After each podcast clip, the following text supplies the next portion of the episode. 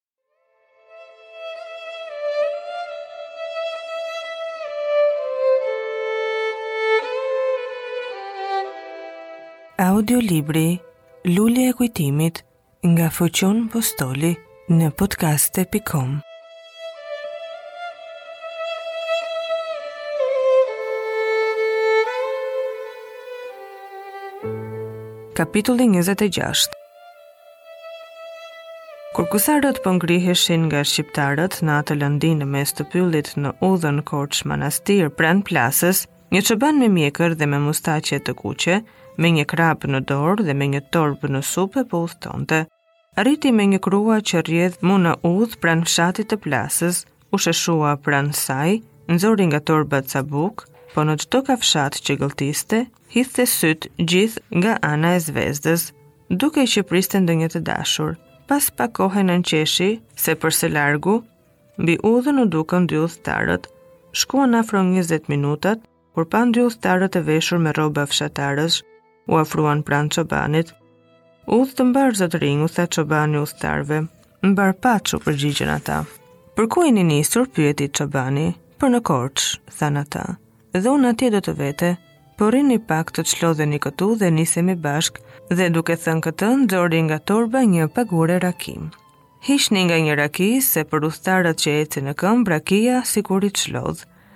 Ata kur panë pagurin me raki, u qasën pranë çobanit, e morën pagurin, e ngritën nga një herë duke dhënë falimderimet dhe kënaqësitë e çobanit, por ai u tha atyre të pinin edhe nga një herë. Pasi ata pinë për së dyti, çobani u tha, Gjer në Korçë do të vini apo do të shkoni më larg? Jo, i thanë ata gjer në Korçë, do të kthehemi në shtëpinë tonë nesër, po ti gjer ku do të vesh, pyeti njëri nga ata.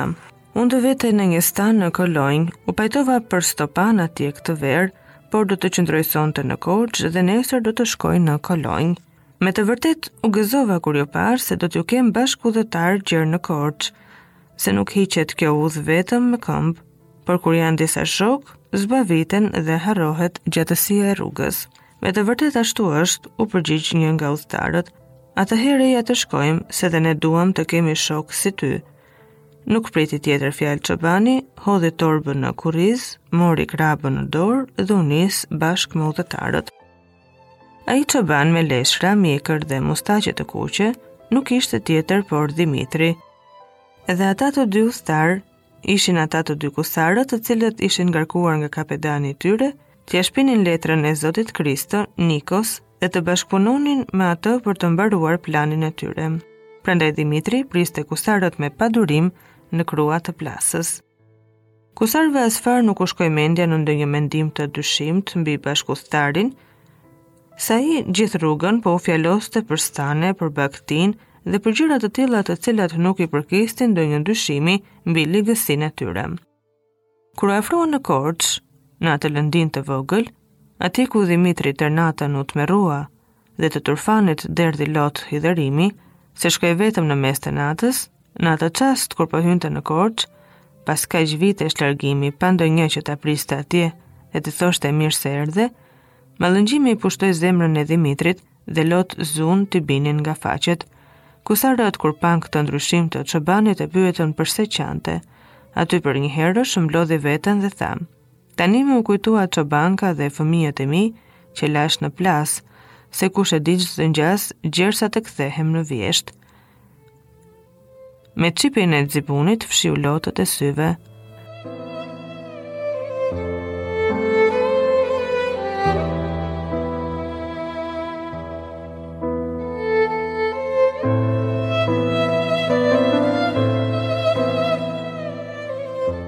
Ata me fjalë e kurajonin se besonin kusarët që ai thoshte të vërtetën.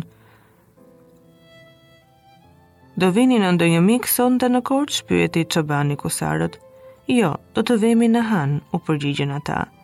Dhe unë në han do të vete, po nuk di se në ç'han do të vini juve, se unë do të vete në hanin e Gërmëllinjve.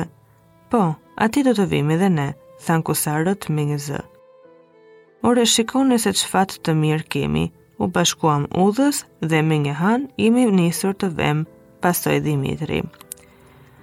Hynë në Korçë dhe vajtën që të tre në han të Gërmëllinjve. Hanxhiu u lëshoi dy dhoma të ngjeshura me njëra tjetrën.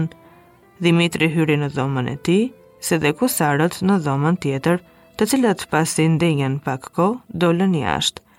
Dhimitri posa dëgjoi që ata u larguan, doli nga dhoma e tij, vajti gjer te porta e madhe e hanit dhe vuri re se kusarët morën rrugën për në dyqanin e Zotit Kristo.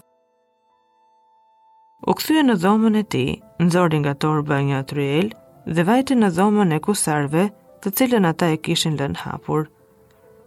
Me shpejtësi atje, shpoi një vërë në çipin e dhomës dhe nga ana tjetër ku ngjiteshe dhoma e tij, me shpejtësi atje, çpoi një vërë në çipin e dhomës, nga ana ku ngjitej dhoma e tij dhe kur mbaroi punë, vajti në dhomën e tij dhe u shtri mi rrogoz duke pritur. Kusarët shkuan në dyqanin e Zotit Kristo, i dhanë shenja Nikos për ardhjen e tyre dhe u kthyen në han. Dita po shkonte, tregu zuri të mbyllej dhe hanxhiu ndezi llampat për të ndritur. Pas gjysëm ore, si u kthyen kusarët, një e ecur u dëgjua dhe një e trokitur me ngadalë mbi derën e kusarëve, tronditën trupin e Dhimitrit. Ardhi, tha me vete, përnjëherësh një nga kusarët, hapi derën dhe Nikoja hyri brënda. Dhimitri nguli veshin në vrimën që kishte shpuar që të dëgjonte planet e tyre. Po ata kuvendonin shumë ulur dhe vetëm aty këtu dëgjonte ndonjë fjalë. Nikoja i pyeti për zënien e Zotit Kristo, për udhëtimin e tyre, ku bashkuan, dhe ata i thanë se takuan vetëm një çoban, asnjë tjetër. I dorëzuan Nikos letrën e Zotit Kristo për Olimbin, i cili e mori atë, nënqeshi dhe tha. Meqë erdhët ju, kjo letër nuk ka kaq fuqi, se pasurinë e Zotit Kristo do ta marrim pa këtë letër. Duhet që medoemos pas dy orësh të ndodhemi jashtë hanit dhe doli jashtë. Dhimitri nuk i dëgjoi të gjitha, po fjalët e fundit të ndodhemi jashtë hanit i dëgjoi mirë, U mat që ta ndiqte Nikon, por u mendua se ai nuk guxonte të bënte të ligën në atë kohë kur njerëzia nuk ishin edhe dërkosur dhe tha se pa dyshim që çdo gjë që do të bënte Niko, do të merrte dhe dy kusarët për ndihmës.